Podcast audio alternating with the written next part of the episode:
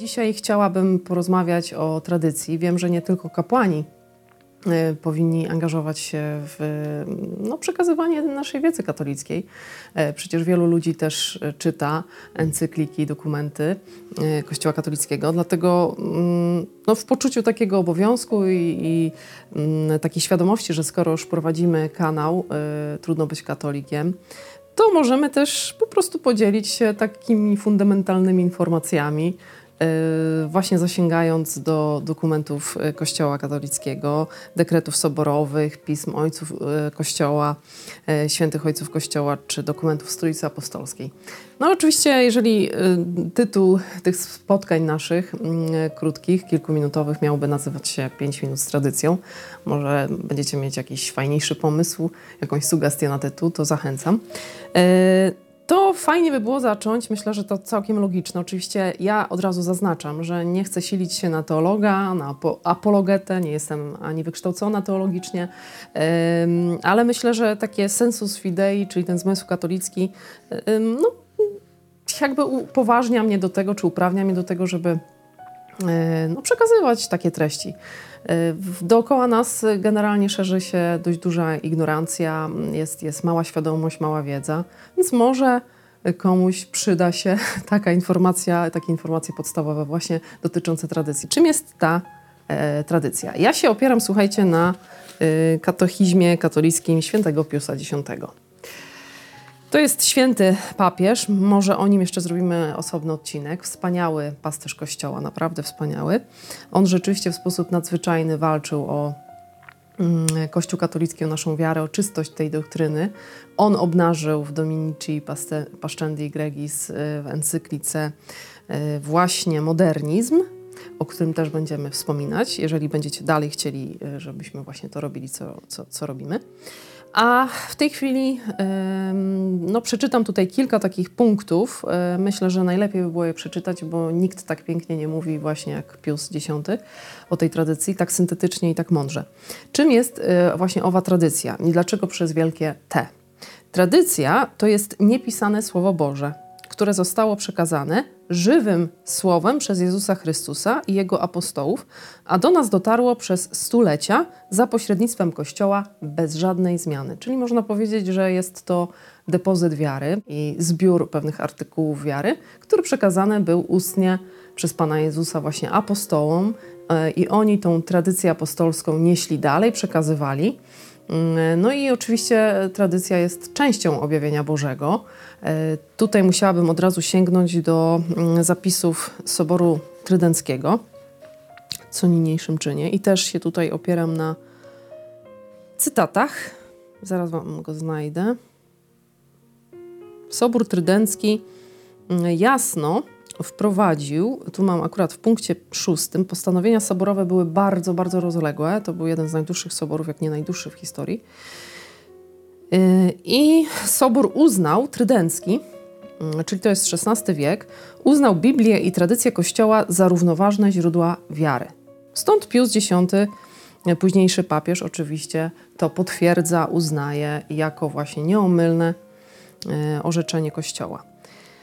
Dlatego Biblia jest tym spisanym Słowem Bożym, jest mową Pana Boga, która jest spisana w formie po prostu Pisma Świętego, a tradycja jest częścią tego objawienia Bożego i jest przekazem ustnym Pana Jezusa, y, który miał być przekazywany właśnie z pokolenia na pokolenie, y, za który odpowiadał y, papież, miał go strzec, miał go wyjaśniać Y, rozumienie tej tradycji miało być pogłębiane i, i, tak się rzeczywiście działo na przestrzeni wieków.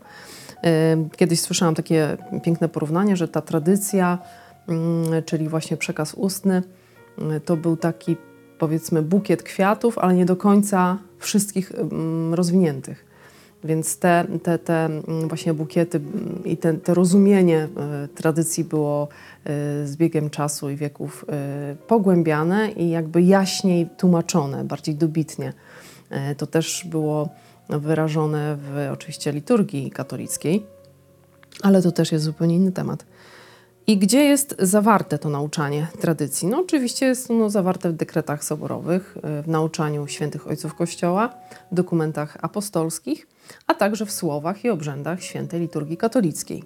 Stąd tak bardzo ważne jest przylgnięcie i uznanie e, upowszechnionej przez Piusa V e, właśnie tradycyjnej naszej tak zwanej trydenckiej mszy, która była obwarowana e, wieloma mm, anatemami. Chodzi o oczywiście bulle quo primum, o zapisy konkretne soborowe Soboru Trydenckiego, kanony dotyczące tejże mszy. Jak wiemy, msza trydencka była taką zaporą przeciwko herezji. Cały Sobór Trydencki był zwołany po to, żeby mm, odpowiedzieć na herezję Lutra, odeprzeć, potępić oczywiście protestantyzm jako herezję, co uczyniono. No i jak wiemy, ta msza trydencka, zwana trydencką, czyli msza w rycie rzymskim, ona została jedynie skodyfikowana, czyli uporządkowana przez znawców, teologów, biskupów, e, ojców soborowych, bo tak naprawdę to mm, oczywiście cała ta bulla quo primum była wydana przez Piusa V z woli właśnie ojców soborowych, z woli Soboru, Świętego Soboru Trydenckiego. Jakie znaczenie winniśmy przypisywać tradycji? No tak jak Sobór Trydencki uznał właśnie te dwa elementy naszego Bożego objawienia, tradycję i Pismo Święte, powinniśmy przypisywać równe, takie samo znaczenie E, i Słowu Bożemu, które jest zawarte w Piśmie Świętym i właśnie świętej tradycji, której, tak jak powiedziałam, rozumienie e, było pogłębiane i wyjaśniane i strzeżone na przestrzeni wieków przez magisterium Kościoła katolickiego. Mm, ja może jeszcze jedno tu przeczytam, bo to jest dość ciekawa sprawa, że opis tradycji tego przekazu apostolskiego już był zawarty w listach do Saloniczan Pawła, świętego Pawła. Mm, tu mam akurat pierwszy list do Tesaloniczan 2,13.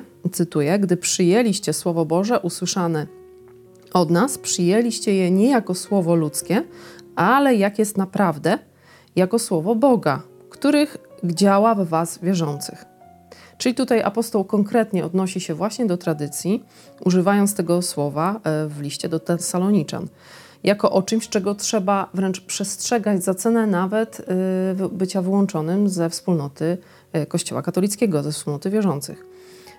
Nakazujemy Wam, bracia, kolejny cytat z Pisma Świętego, z tego właśnie listu, y, w imię Pana naszego Jezusa Chrystusa, abyście stronili od każdego brata, który postępuje wbrew porządkowi, a nie według tradycji, którą przyjęliście od nas.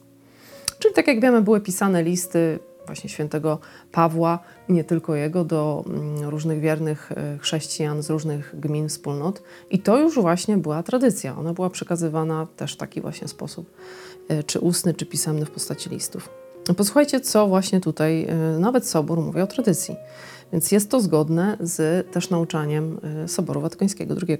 Tradycja święta zatem i Pismo Święte ściśle się ze sobą łączą i komunikują. Obydwoje bowiem wypływają z tego samego źródła Bożego, zrastają się w jakoś w jedno i zdążają do tego samego celu.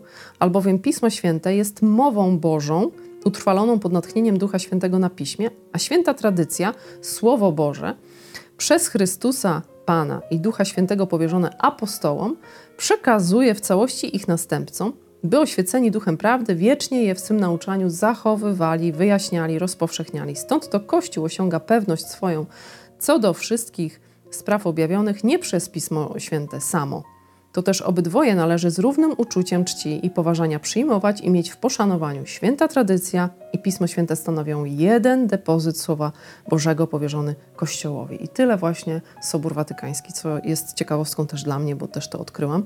Tyle na ten temat, tyle na temat tego odcinka. Przedłużyło się troszeczkę ale y, mam nadzieję, że wybaczycie, bo zrobiłam dość duży wstęp, dlatego on przedłużył cały ten odcinek. Mam nadzieję, że dacie znać, co myślicie, czy rzeczywiście dalej nagrywać kolejne, czy nie odcinki. Pozdrawiam serdecznie.